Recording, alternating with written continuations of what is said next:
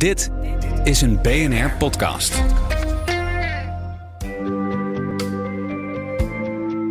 Wetenschap in het kort met Carlijn Meinders. Met behulp van de Very Large Telescope in Chili hebben astronomen de helderste quasar in zijn soort waargenomen.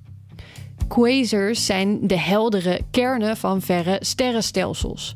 Ze worden van energie voorzien door superzware zwarte gaten. In dit geval is dat een zwart gat dat per dag een zonsmassa aankomt, waarmee het ook het snelst groeiende zwarte gat is dat we kennen. De nu ontdekte quasar is zo ver van de aarde af dat zijn licht er meer dan 12 miljard jaar over heeft gedaan om ons te bereiken.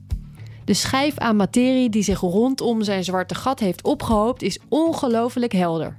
500 biljoen keer zo fel als onze zon. In 1980 was deze heldere kern al eens vastgelegd, maar vervolgens afgedaan als iets anders, want te fel om een quasar te zijn. Er waren nieuwe metingen met de VLT voor nodig om te bevestigen dat het er toch echt eentje was. En wat voor een.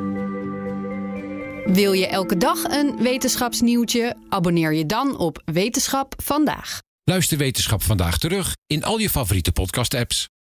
De financiële markten zijn veranderd, maar de toekomst, die staat vast.